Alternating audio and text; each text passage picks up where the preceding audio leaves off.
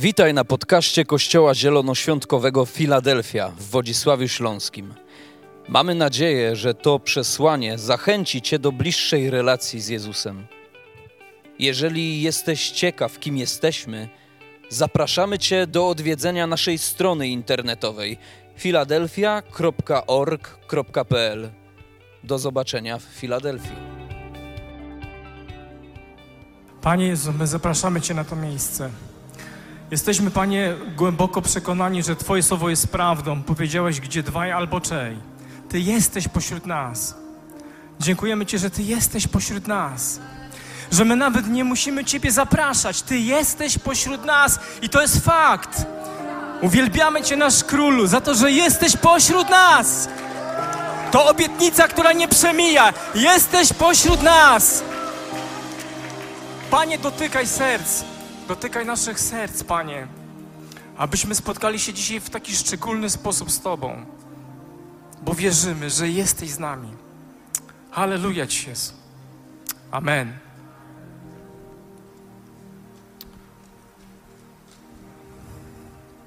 Witam Was serdecznie. Możesz odpocząć.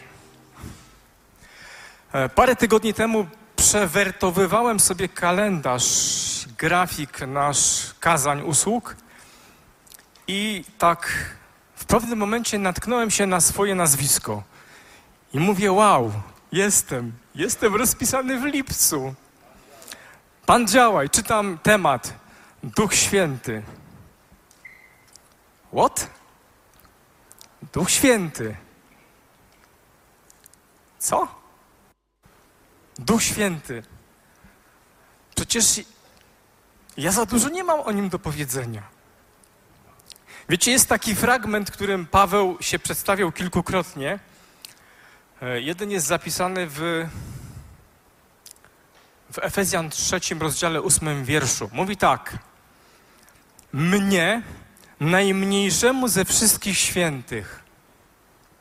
Paweł mówi o sobie mnie, najmniejszemu z wszystkich świętych. W innym miejscu, w pierwszym liście do Koryntian, w 15 rozdziale, w 9 wersecie, powiedział tak. Ja bowiem jestem najmniejszym z apostołów. Dobre przedstawienie siebie, nie? Od razu daje taki power tym, którzy będą czytać, słuchać to, co Paweł ma do zakomunikowania. Najmniejszy ze świętych, najmniejszy z apostołów, i patrzę na ten grafik i sobie myślę, najmniejszy z charyzmatyków ma mówić o Duchu Świętym. No, przepraszam za kolokwializm, ja, ja jakieś. Ja mówię, albo pastor ma takie poczucie humoru, albo jest tym celowe, wiecie, podstępne działanie. Bo w Biblii pisze, że mamy być przebiegli jak węże. Se myślę, pastor Krzywodać, podstępny wąż. W co mnie uknął? I wiecie, miałem sporo czasu, próbowałem się wymiksować z tej usługi, jak tylko się dało. Prawda, pastorze, walczyłem do ostatniej chwili. Walczyłem do, do piątku, czy do czwartku. Twarda była walka, ale niestety poległem, tak, poległem. Ale też dzięki rozmowie e, z, z pastorem e, zrodził się pewien pomysł na, na to kazanie, ponieważ tematyka Ducha Świętego jest naprawdę ogromna. Wiecie, my się w niej poruszamy przez całe chrześcijańskie życie, nawet nie zdajemy sobie z tego sprawy. Kiedy wrzuciłem w wyszukiwarkę tematy związane z Duchem Świętym, aż złapałem się za głowę, jaki to jest ogrom, że wydaje się, że ten cykl w ogóle jest za krótki. Może będzie e, jakoś prolongowany na, na, na dłuższe, na inne tematy, ale tych zagadnień dotyczących Ducha Świętego jest tak dużo, że naprawdę jest w czym wybierać. I myślę, że dobrym, dobrym momentem, ponieważ, nie wiem, pamiętacie, pewnie w zeszłym tygodniu pastor mówił o, o zasmucaniu Ducha Świętego i też wspomniał, że kolejnym jakby, jakby tematem jest temat gaszenia Ducha Świętego. Ja bym to chciał zostawić pastorowi, dlatego że myślę, że to, co Bóg mu poszło na serce, jest w jego sercu i myślę, że będzie to bardzo czymś uszlachetniającym nas wszystkich. Ja bym chciał, żeby to dzisiejsze kazanie, to dzisiejsza usługa była bardziej świadectwem. Chciałbym was zachęcić, zainspirować, Trochę Wam opowiem o swoim życiu. Jest dużo nowych osób w kościele w ostatnim czasie. Nie wszystkich, ani ja miałem możliwość poznania też, nie wszyscy wiedzą cokolwiek o mnie, a staję tutaj co jakiś czas e, czy grając, e, służąc w uwielbieniu, czy też e, zwiastując słowo. Więc takich parę takich rzeczy chciałbym też wyjawić przed wami ze swojego życia, ponieważ ono się będzie poruszało w temacie Ducha Świętego, dlatego że kiedy się nawróciłem 30, Boże, 7 lat temu, długo, dawno temu, e, Bóg skierował moje kroki do wspólnoty, do społeczności, która na tamte czasy zakorzeniła we mnie pragnienie, miłość do Bożego Słowa. Do tego stopnia, że moje pierwsze lata chrześcijańskiego życia, młodego życia, to było siedzenie w Bożym Słowie, siedzenie w Bożym Słowie, zdobywanie niesamowitego doświadczenia, poznawaniu Biblii, poznawaniu prawd tam zawartych. Rzeczy, które dzisiaj po 37 latach, choć jestem już w innym miejscu, cenię i szanuję ponad wymiar. Jestem Bogu ogromnie wdzięczny za tą wspólnotę, w której się znalazłem, dlatego że dała mi podwaliny mojej wiary, dała mi korzeń, dała mi grunt, który spowodował, że pomimo wielu tornad, wielu burz, które w życiu przeszedłem, stoję przy nim, stoję przy nim wiernie, bo wiem, kim jest i mam słowo, na którym się mogę oprzeć. Nie odczucie, nie przekonanie. Mam słowo, na którym mogę zawsze polegać, bo ono się nigdy nie zmieniło i nigdy mnie nie zawiodło. Wiecie, w tych czasach, kiedy ja funkcjonowałem jako młody chrześcijanin, świat dzielił się chrześcijański na jakby dwa obozy. Pewnie było ich więcej, ale ja wam mówię o swojej perspektywie. Ja patrząc na świat chrześcijański, dzieliłem chrześcijaństwo na dwa obozy. Taki obóz, który nazwałem obozem duchowych Natanaelów. Tak, znacie historię z Ewangelii Jana z pierwszego rozdziału, jest tam opisane takie zdarzenie. Filip spotkał Natanaela i rzekł do niego, znaleźliśmy tego, o którym pisał w zakonie Mojżesz, a także prorocy. Widzicie, już jedna rzecz, zakon, prorocy, Biblia. Jezusa, syna Józefa z Nazaretu. Wtedy Natanael rzekł do niego, inteligencja chrześcijańska, czy z Nazaretu może być coś dobrego? Filip na to, idź i zobacz. A gdy Jezus ujrzał Natanela idącego do niego, rzekł o nim, to prawdziwy Izraelita, w którym nie ma fałszu. Rzeczą mu Natanel, skąd mnie znasz? Odpowiedział mu Jezus, że zanim cię zawołał Filip, widziałem cię, gdy byłeś pod drzewem figowym. Odpowiedział Natanel, mistrzu, ty jesteś Synem Bożym, ty jesteś Królem Izraela. Jezus odpowiadając, rzekł do niego, czy dlatego wierzysz, że powiedziałem ci, iż cię widziałem pod figowym drzewem? Wiecie, to są, to była ta pierwsza grupa ludzi. Ludzi, którzy mieli wiedzę, mieli poznanie i każdą rzecz, dobrą, złą, cokolwiek się działo w rzeczywistości duchowej, przykładali do tego przymiaru, żeby to albo negować, albo potwierdzać. Ludzi, którzy mieli najpierw wiedzę, a potem dopuszczali jakieś doświadczenie. Myślę, że gdyby Jezus nie użył tego szczegółu wypowiedzi o drzewie figowym, to Natal by się nie zastanowił nad tym. Jego tknęło to, że ktoś wyjawił mu szczegół z jego życia, który był skryty, o którym nikt nie ma prawa wiedzieć. Wtedy dopiero dopuścił doznanie. Miał poznanie, ale nie miał doznania. Wiecie, a drugą grupą ludzi to byli ludzie z takiego ramienia Janowego. Myśmy o nich mówili duszewni, cieleśni. Cieleśni to może byłoby zbyt upokarzające, bo to cielesność w Nowym Testamencie o czymś innym mówiła, ale tacy ludzie, wiesz, wow, tacy, ach. Taki przykład z Jana, żebyście wiedzieli, o czym mówię, żeby nie być gołosłownym. Po tych słowach, to jest Jana 13 rozdział, to jest ostatnia wieczerza, po tych słowach Jezus wstrząśnięty do głębi oświadczył, mówiąc: Zaprawdę, zaprawdę powiadam wam, jeden z was mnie wyda. Wtedy uczniowie spojrzeli po sobie. Ja się, ja się bym nie zdziwił, gdyby Natanel tam był pierwszym, który zaczął dyskusję. Kto, jak, Biblia, Izajasz, może Jeremiasz, może ktoś tam inny. Popatrzyli w niepewności, o kim mówi. A jeden z jego uczniów, którego Jezus miłował, siedział przy stole przytulony do Jezusa. Wiecie, świat dzielił się wtedy na tych, którzy byli twardogłowi i przytulasów. I nie widziałem, że kiedyś dołączę do grona przytulasów. Wiecie, urodziłem się w takiej kulturze i tak się chowałem. Ta kultura dała podwaliny mojego życia, ale też z czegoś, z czegoś mi ograbiła, coś mi zabrała.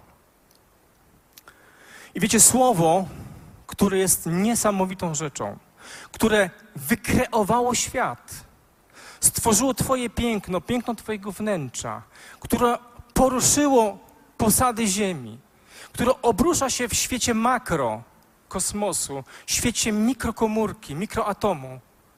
To słowo, które podtrzymuje mocą swoją cały świat, nasze życie, nasze tchnienie. To słowo na pewnym etapie zostało wykorzystane jako miecz obosieczny, ale nie do oddzielenia tego, co złe w życiu, od tego, co dobre. Nie do oddzielenia tego, co wartościowe, od tego bez wartości, ale tego, by walczyć brat z bratem. Zraniony tą sytuacją postanowiłem coś w swoim życiu zmienić. Czegoś mi brakowało.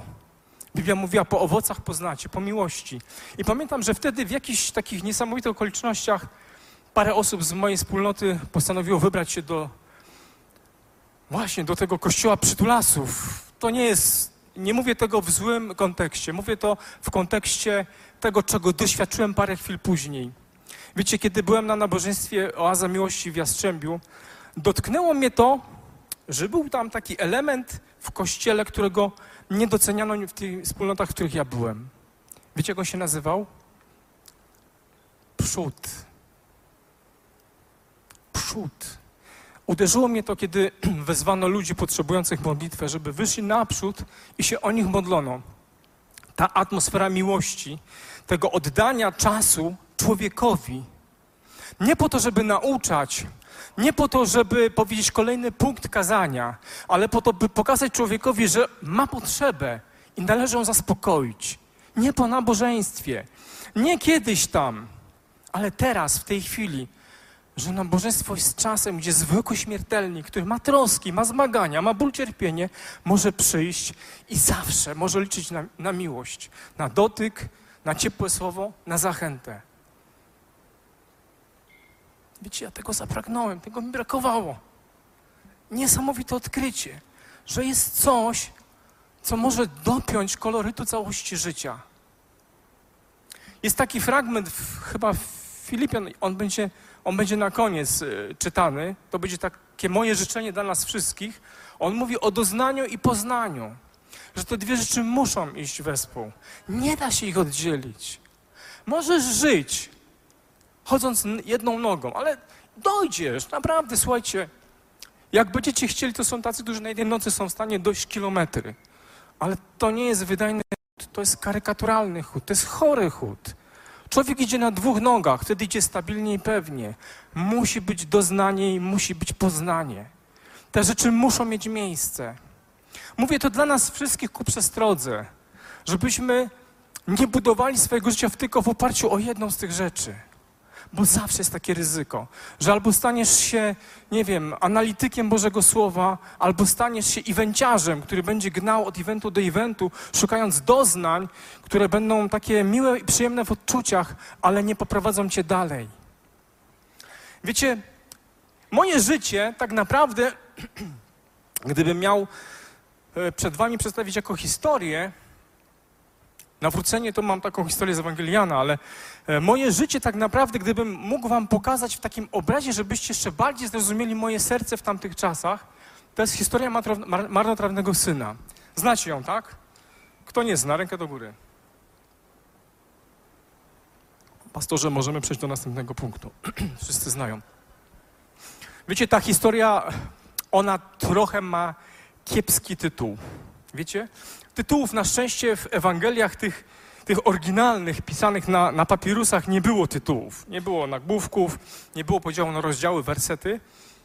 I to później bibliści, którzy analizowali, próbowali, patrząc na kontekst, na sens, nadać jakieś takie głębsze znaczenie, wyciągając główną myśl i tak tytułowali te pewne akapity, które możemy czytać w Biblii. Bo ta historia rzeczywiście opowiada o zaginionym synu. Ale tak naprawdę ta historia ma trzech bohaterów. Trzech bohaterów. To nie tylko marnotrawny syn. Ta historia opowiada o ojcu i wydaje mi się, że ona głównie opowiada o ojcu, który nie odrzuca, który kocha, który przytula, który jest w stanie zrobić największą imprezę dla człowieka, którego my z naszej ludzkiej perspektywy skazalibyśmy na odpracowanie. Przynajmniej na odpracowanie. Tacy jesteśmy jako ludzie. No nie wiem, zastanawiałem się, czy gdyby mój syn sprzeniewierzył y, cały majątek, który dla niego zaplanowaliśmy, czy przyjąłbym go z taką miłością, a nic się nie stało, na tanku nic się nie stało. Myślę, że gdzieś w serce byłoby ta, wiecie, ten, ten ludzki ton, dobra, jesteś jeszcze młody, możesz jeszcze to nadrobić, tak? Tam nie ma nic o nadrabianiu w tej historii. Tam jest mowa miłości, która wybacza i która daje nowy początek. Ale jest jeszcze bohater drugiego planu. I ja się czułem, że ja tym bohaterem jestem. Ta historia mówi o synu. Pamiętacie, był drugi syn, drugi bliźniak, który pracował w tym czasie, kiedy trwała impreza. To jest zapisane w Ewangelii Łukasza, 15 rozdział 25 do 32. Kiedy trwała w, tak na dobre impreza, starszy syn zaś był w polu. A gdy wracając zbliżył się do domu, usłyszał muzykę i tańce. Wiecie, czy było czymś nadzwyczajnym to, co robił ten syn? Nie, to nie było nic nadzwyczajnego. Słowo Boże mówi, że jest pora, że przychodzi czas, że w życiu świat Bóg skonstruował w oparciu o czas. I są czasy, i są pory. I obracamy się w naszym życiu wokół tych czasów i por, i tych pór. One nas dotykają, mijają sezony, przychodzą nowe sezony. I wtedy była pora pracy na roli. Ja wnioskuję, że to była, e, to była rodzina rolnicza, to byli jacyś właściciele ziemscy, którzy mieli rolę. I to był czas pracy na polu, nie czas zabawy. Z perspektywy mojej analizy, mojego analitycznego mózgu, to nie był czas na zabawę, to był czas na pracę. I kiedy wyobrażacie sobie, kiedy idzie syn, który zna swoje miejsce, który jest wierny ojcu, jest mu oddany, jest pracowity, służy, nagle słyszy, może pierwszy raz w życiu, może pierwszy raz w życiu, no bo pierwszy raz ten syn wrócił, który się zagubił, słyszy imprezę. To nie jest pora na imprezę. To nie jest pora na imprezę. Jego to tak dotknęło, był tak tym poruszony, że czytamy, że do tego słownia, do tego słowa, że nawet zapytał, co to jest. To w ogóle nie pasowało w jego głowie, to się nie mieściło w jego, co to jest, co się, co się teraz dzieje. Wiecie, kiedy spotykamy Boga w naszym życiu, to nieraz musimy zadać pytanie, co to jest. On nas szokuje. To, co pastor mówił parę tygodni wcześniej, Duch, Boże działanie jest dziwne, bo Bóg jest Bogiem dziwnym. Jego jedne z imion, które wymienia Biblia, mówi dziwny Bóg. On jest dziwny. On działa w sposób naprawdę abstrakcyjny. Jakbyście przewertowali albo przypomnieli sobie skazania, historie, przykłady, które były tutaj użyte, dziwnych wydarzeń, no to no dziwny, crazy God, byśmy powiedzieli, szalony Bóg. I nieraz nasze chrześcijańskie, fundamentalne życie mówi, co to jest? O co chodzi? Co się dzieje? On do tego stopnia był rozgoryczony tym, że czytamy w wersecie 28, rozgniewał się i nie chciał wejść. Wiecie, ja w moim życiu naprawdę jestem najmniejszym z charyzmatyków. Ale charyzmatykiem. Malutkim, ale charyzmatykiem.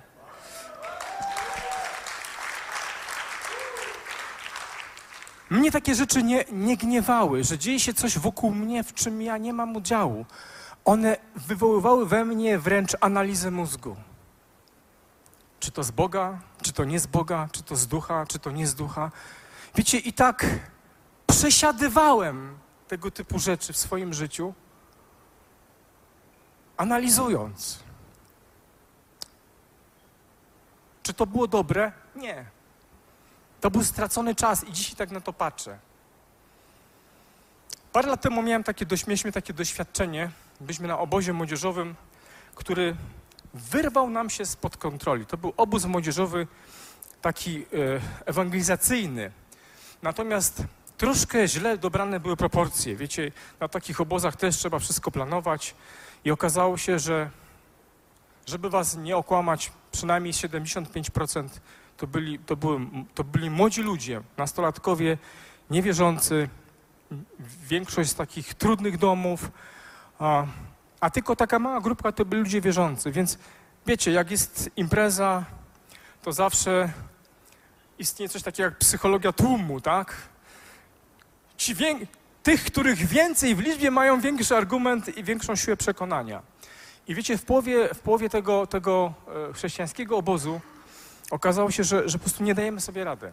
Nie potrafimy nad tym wszystkim zapanować, że, że zamiast to przyjmować cel szlachetny, zaczyna się wyrywać spod kontroli i stajemy się jako, jako wspólnota, która tam organizuje imprezę, stajemy się antyreklamą Jezusa w tym miejscu.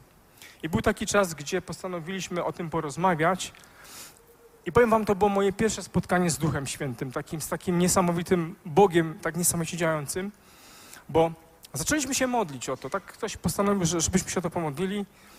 To było pomiędzy, po obiedzie, przed wieczorną społecznością. Ta modlitwa zamieniła się w jeden wielki płacz, szloch przez trzy godziny.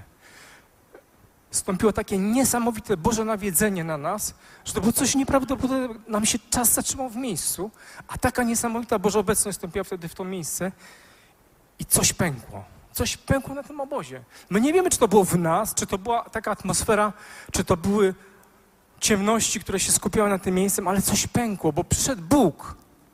Kiedy przychodzi Bóg, coś w nas pęka. Kiedy przychodzi Bóg, to zmienia Twoje życie.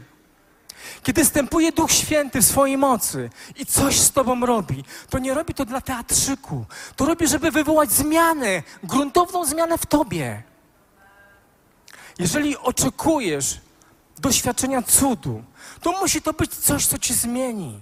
Tak długo, jak ten cud nie wpłynie na Twoje wnętrze i nie dokona przełomu, to się nie wydarzy. Bo cud nie jest dla, dla samego cudu. Cud nie jest dla spektakularnego wizerunku. Cud jest po to, żeby cię zmienić.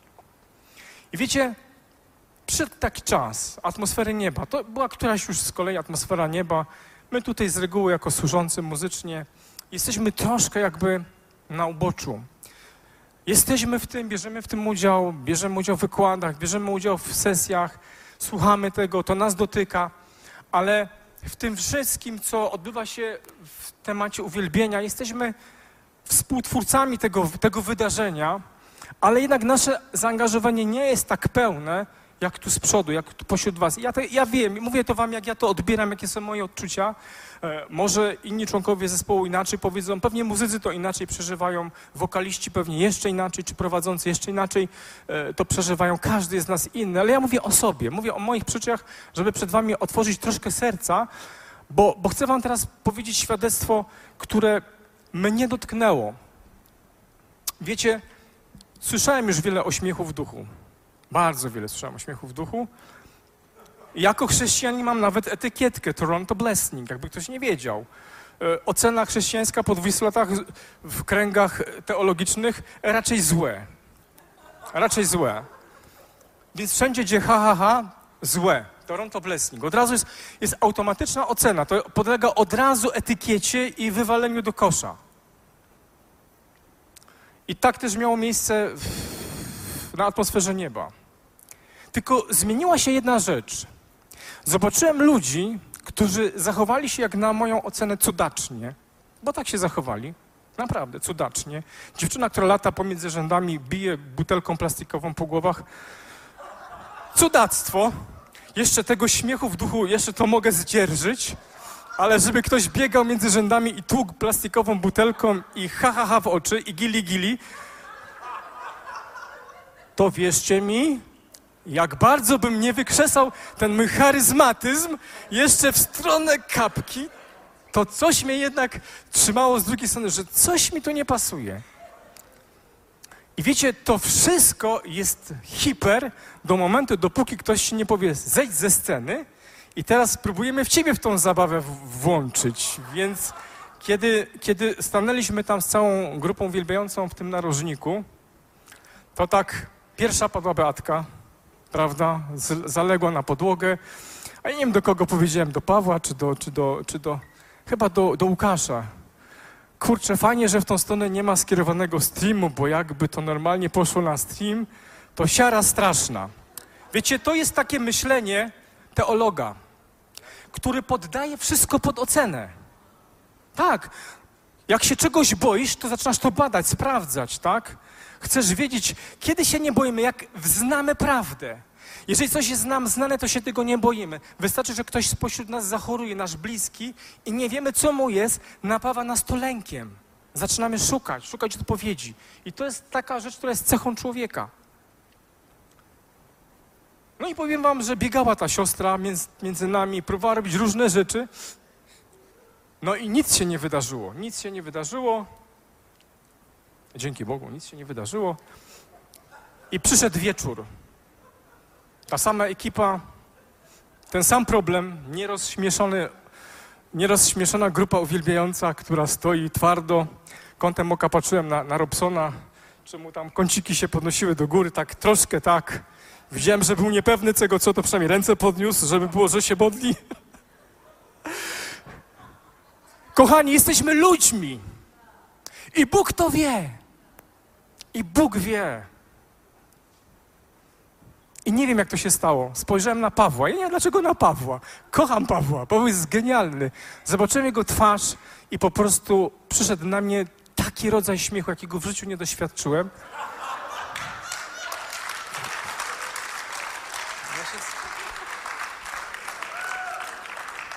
Pamiętam tylko, że, że był taki moment, że już wydawało mi się, że jest koniec.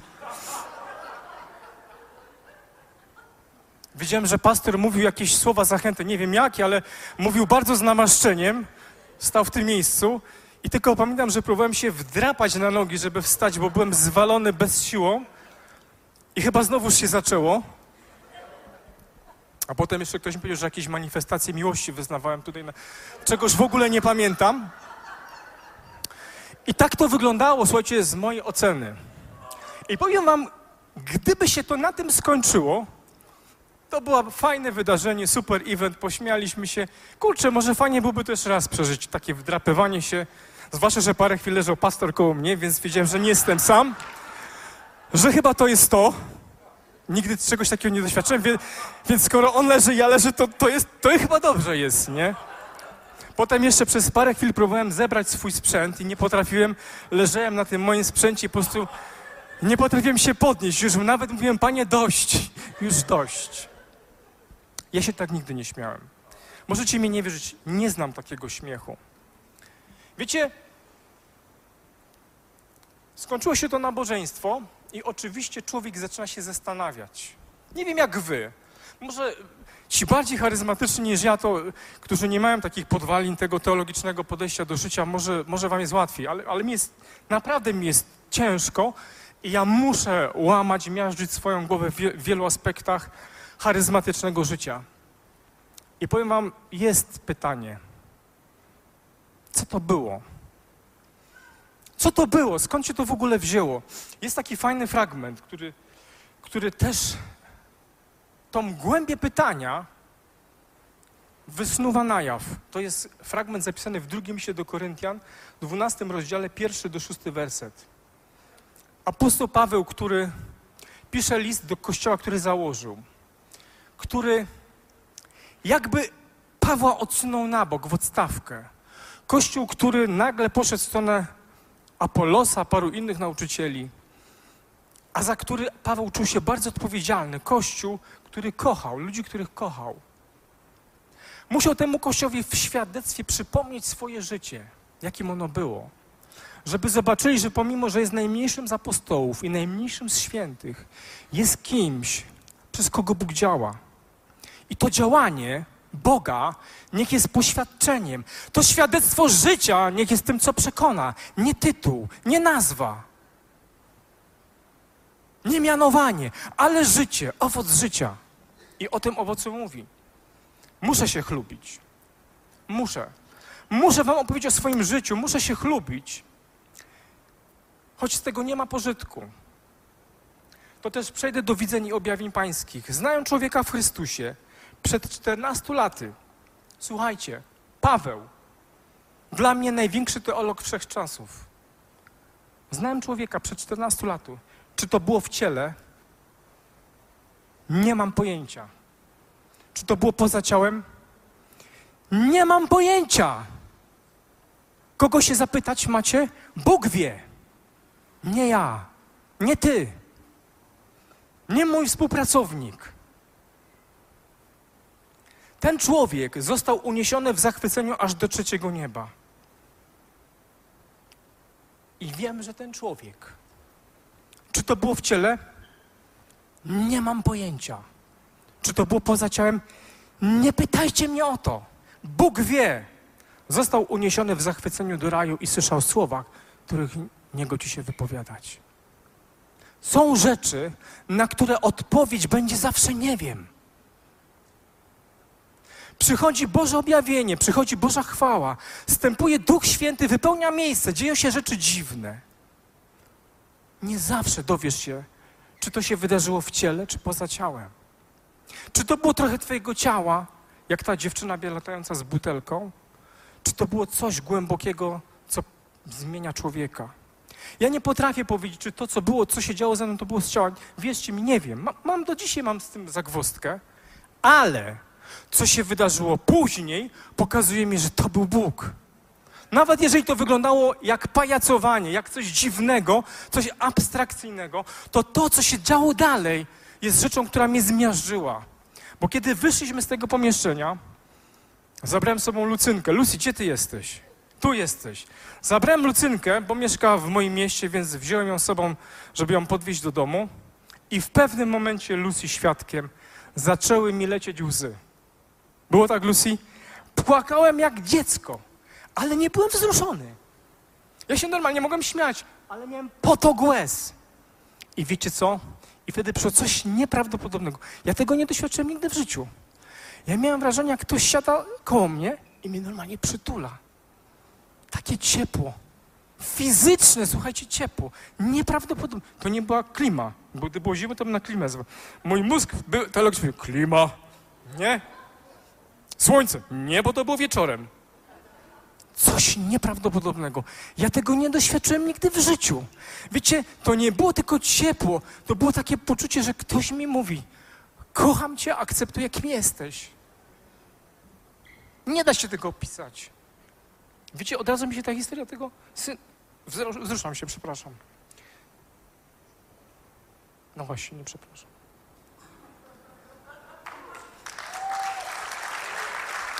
Zobaczcie, koniec historii. Wtedy on rzekł do niego: Synu, ty zawsze jesteś ze mną. I wszystko moje jest Twoim. Objawienie. Kiedy Bóg zsyła swojego ducha, żeby napełnić Twoje życie, to nie dla cyrku, nie dla pokazu, nie dla teatrzyku, dla zmiany Twojego życia, żebyś doświadczył Jego miłości. Wiecie, wybaczcie za, za, za to słowo. Ja już jestem starym chrześcijaninem. Ja już trochę przedeptałem w swoim życiu za Bogiem. I powiem wam, rozmawialiśmy niedawno z, z Leszkiem. Ja coraz bardziej odkrywam to, że Biblia jest prosta i że przysłanie jest proste. To jedno słowo miłość. Jeżeli Twoje działanie nie kocha człowieka, to jest nic warte.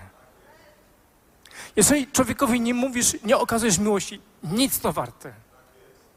Jeśli siebie nie kochamy, nie akceptujemy, nic to warte. Żadna deklaracja, żadne wyznanie. Wiecie, Duch Święty to szczególny dar. I powiem Wam, zacząłem się zastanawiać, ponieważ kiedy te łzy mi tak ciepłe i czułem takie ciepło nieprawdopodobnej Bożej obecności, ja wiedziałem, że Bóg najlepsze to zostawił na koniec. Kiedy przyjechałem do swojego domu, kiedy przyjechałem do swojego pokoju, mogłem z nim mieć czas. Czy to było z ciała? Nie wiem, może. Ale miał świetny koniec. Wolę zacząć na ciele i skończyć na duchu, niż zacząć na duchu, a kończyć na ciele.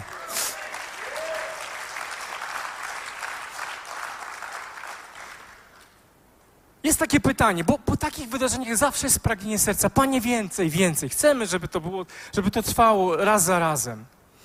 Wiecie, kiedy dzisiaj rano ściąłem łóżko, tak sobie pomyślałem, że będę mówił o wierze i słuchajcie, nie uwierzycie, ja miałem ten sam przykład, chciałem wam powiedzieć, który tutaj już padł wcześniej, o tym człowieku, który 38 lat czekał.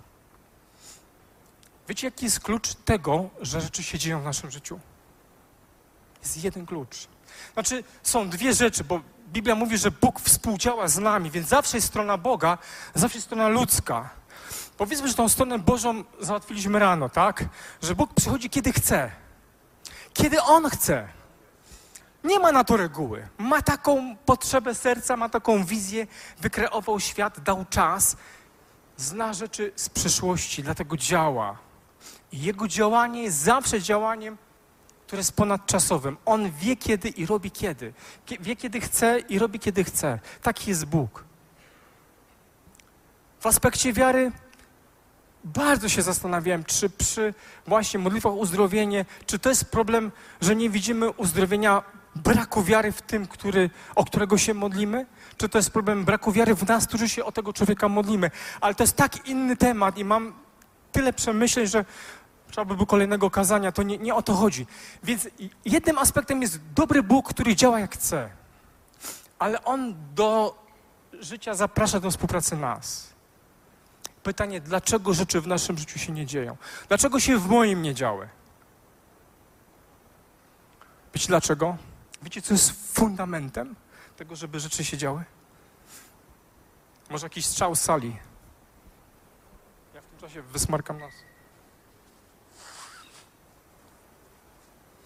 Kochani, tego nie ma, bo to jest, to jest to, co dzisiaj rano tak walnęło mnie jak grom. I te fragmenty niestety nie zostały dopisane dzisiaj do, do, do, do tego kazania, do tej usługi, ale ja wam je przeczytam.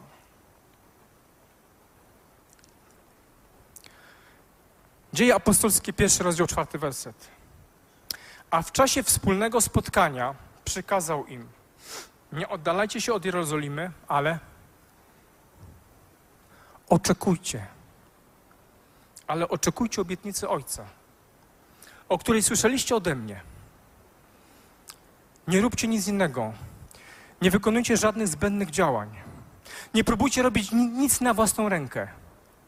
To wszystko umrze. Czekajcie. Macie tylko jedno zadanie czekać. Pytanie teologiczne. Ile? Ile mieli czekać?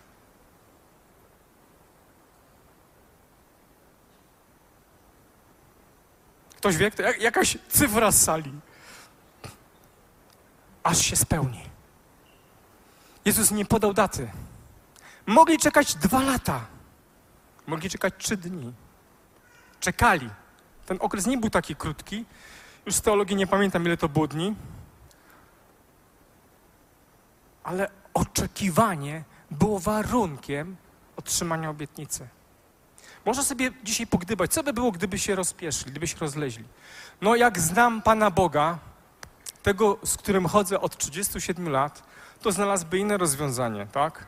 Kamienie będą krzyczeć, jeżeli zabronicie im wielbić i uczcić mnie jako króla. Kazał im czekać. Czy ty i ja czekamy? Czy oczekujemy? Młodzieży, zdajecie egzaminy, czekacie na wyniki. To jest egzamin najważniejszy dla waszego życia. Wiecie, że za tydzień. Jakie emocje? Przychodzi ten dzień. Jedziecie tam, nie wiem, w miejsce, gdzie będzie obwieszczenie wyników. Czy są z tym, czy do tego podchodzimy tak lajtowo? No chyba nie. Mamy dreszcz emocji. Oczekujemy. A narzeczeni, którzy oczekują na tą chwilę, kiedy powiedzą sobie tak przy ołtarzu. Przygotowanie, to oczekiwanie, ta chwila, ten moment. Rodzina, która spodziewa się dziecka, ile przygotowań, ile oczekiwania. Czy my tak czekamy na ducha w naszym życiu? Czy my tak oczekujemy Boga w naszym życiu? No powiem wam, że nie. Że ja osobiście patrząc na swoje życie, tak nie czekam na Boga. To nie jest takie oczekiwanie. Nie budzę się rano oczekując nieprawdopodobnych wydarzeń w swoim życiu. Czasami budzę się, biegnę, szybko zjeść śniadanie i siadam do auta, jadę. Tak łatwo nas ograbić. Wiecie, kiedy jesteśmy w niedzielę, to pamiętamy jeszcze, ale poniedziałek, wtorek, im dalej, tym słabiej. I tacy jesteśmy. I ja czuję w tym miłość Ojca, który mnie przytula i mówi: Nie martw się, bo wszystko, co mam, jest dalej Twoje. Nie czekasz, nie oczekujesz, ale to dalej czeka na Ciebie. Jest w zasięgu twojego, Twojej ręki, żeby to wziąć. Pytanie, o jaką obietnicę tam? Wiemy, o jaką obietnicę. Nie, to nawet, to tylko dla nie, niewierzących mogę powiedzieć, że Dzieje Apostolskie 2, 16, 21, Joel, to, co mówił pastor na pierwszym kazaniu, tutaj było mowa i zapowiedziane przez proroka Joela i stanie się w ostateczne dni, mówi Pan, że wyleje ducha mego na wszelkie ciała i prorokować będą synowie wasi, córki wasze, młodzieńcy, będą mieć widzenia, starsi będą śnić sny, a nawet i na sługi moje służebnice wyleję w owych dniach ducha mojego i prorokować będą i uczynię cuda na górze, na ziemi, na niebie, znaki na dole, na ziemi, krew, ogień i tak dalej, i tak dalej, tak? Zapowiedź ducha, oczekiwanie ducha świętego, wydarzenie życia. Czy ty, czy ja czekamy na ducha świętego każdego dnia? Czy oczekujemy, żeby być jego pełnym? Oni przeżyli chrzest, a parę tygodni później dowiadujemy się, że zaczęło się miejsce, w którym się modli i ponownie byli napełnieni. Czyli gdzieś tego ducha jakby im ubyło i nagle znowuż napełnienie i kolejne napełnienie. Słuchajcie, obietnica ta, o której tutaj czytamy, uczono mnie, że przeminęła. Teologia, w którą wierzyłem przez wiele, wiele lat mojego życia, mówiła, że te czasy takiego działania Boga w charyzmie minęły. One były potrzebne, bo nie było Nowego Testamentu i ktoś musiał uwierzytelnić to słowo, musiał ktoś uwierzytelnić jakimś znakiem, tak? To, co mówili ludzie, apostołowie, musiało mieć jakiś przekaz ponadnaturalny, bo by nikt tego nie przyjął. Bo jak to sprawdzić, jak Nowego Testamentu nie było? Ja tak wierzyłem. Aż, słuchajcie, normalnie eureka. Dzieje apostolskie, 32 rozdział, 38-39 werset. Piotr mówi do nich tak, bo ciągle mówi o tym, o tym darze. Upamiętajcie się i niech każdy z was da się ochrzcić w imię Jezusa Chrystusa na odpuszczenie grzechów waszych, a otrzymacie dar Ducha Świętego. Obietnica ta bowiem odnosi się do was, do dzieci waszych oraz wszystkich, którzy są z dala, ilu Pan ich powoła, czyli do mnie. To nie minęło. Ta obietnica dalej trwa. Proroctwo Joela dalej działa. Tylko my nie czekamy. Wiecie, chcę was zostawić z tym fragmentem, który przytoczyłem w pewnym momencie w czasie tej usługi. Filipian 1,9.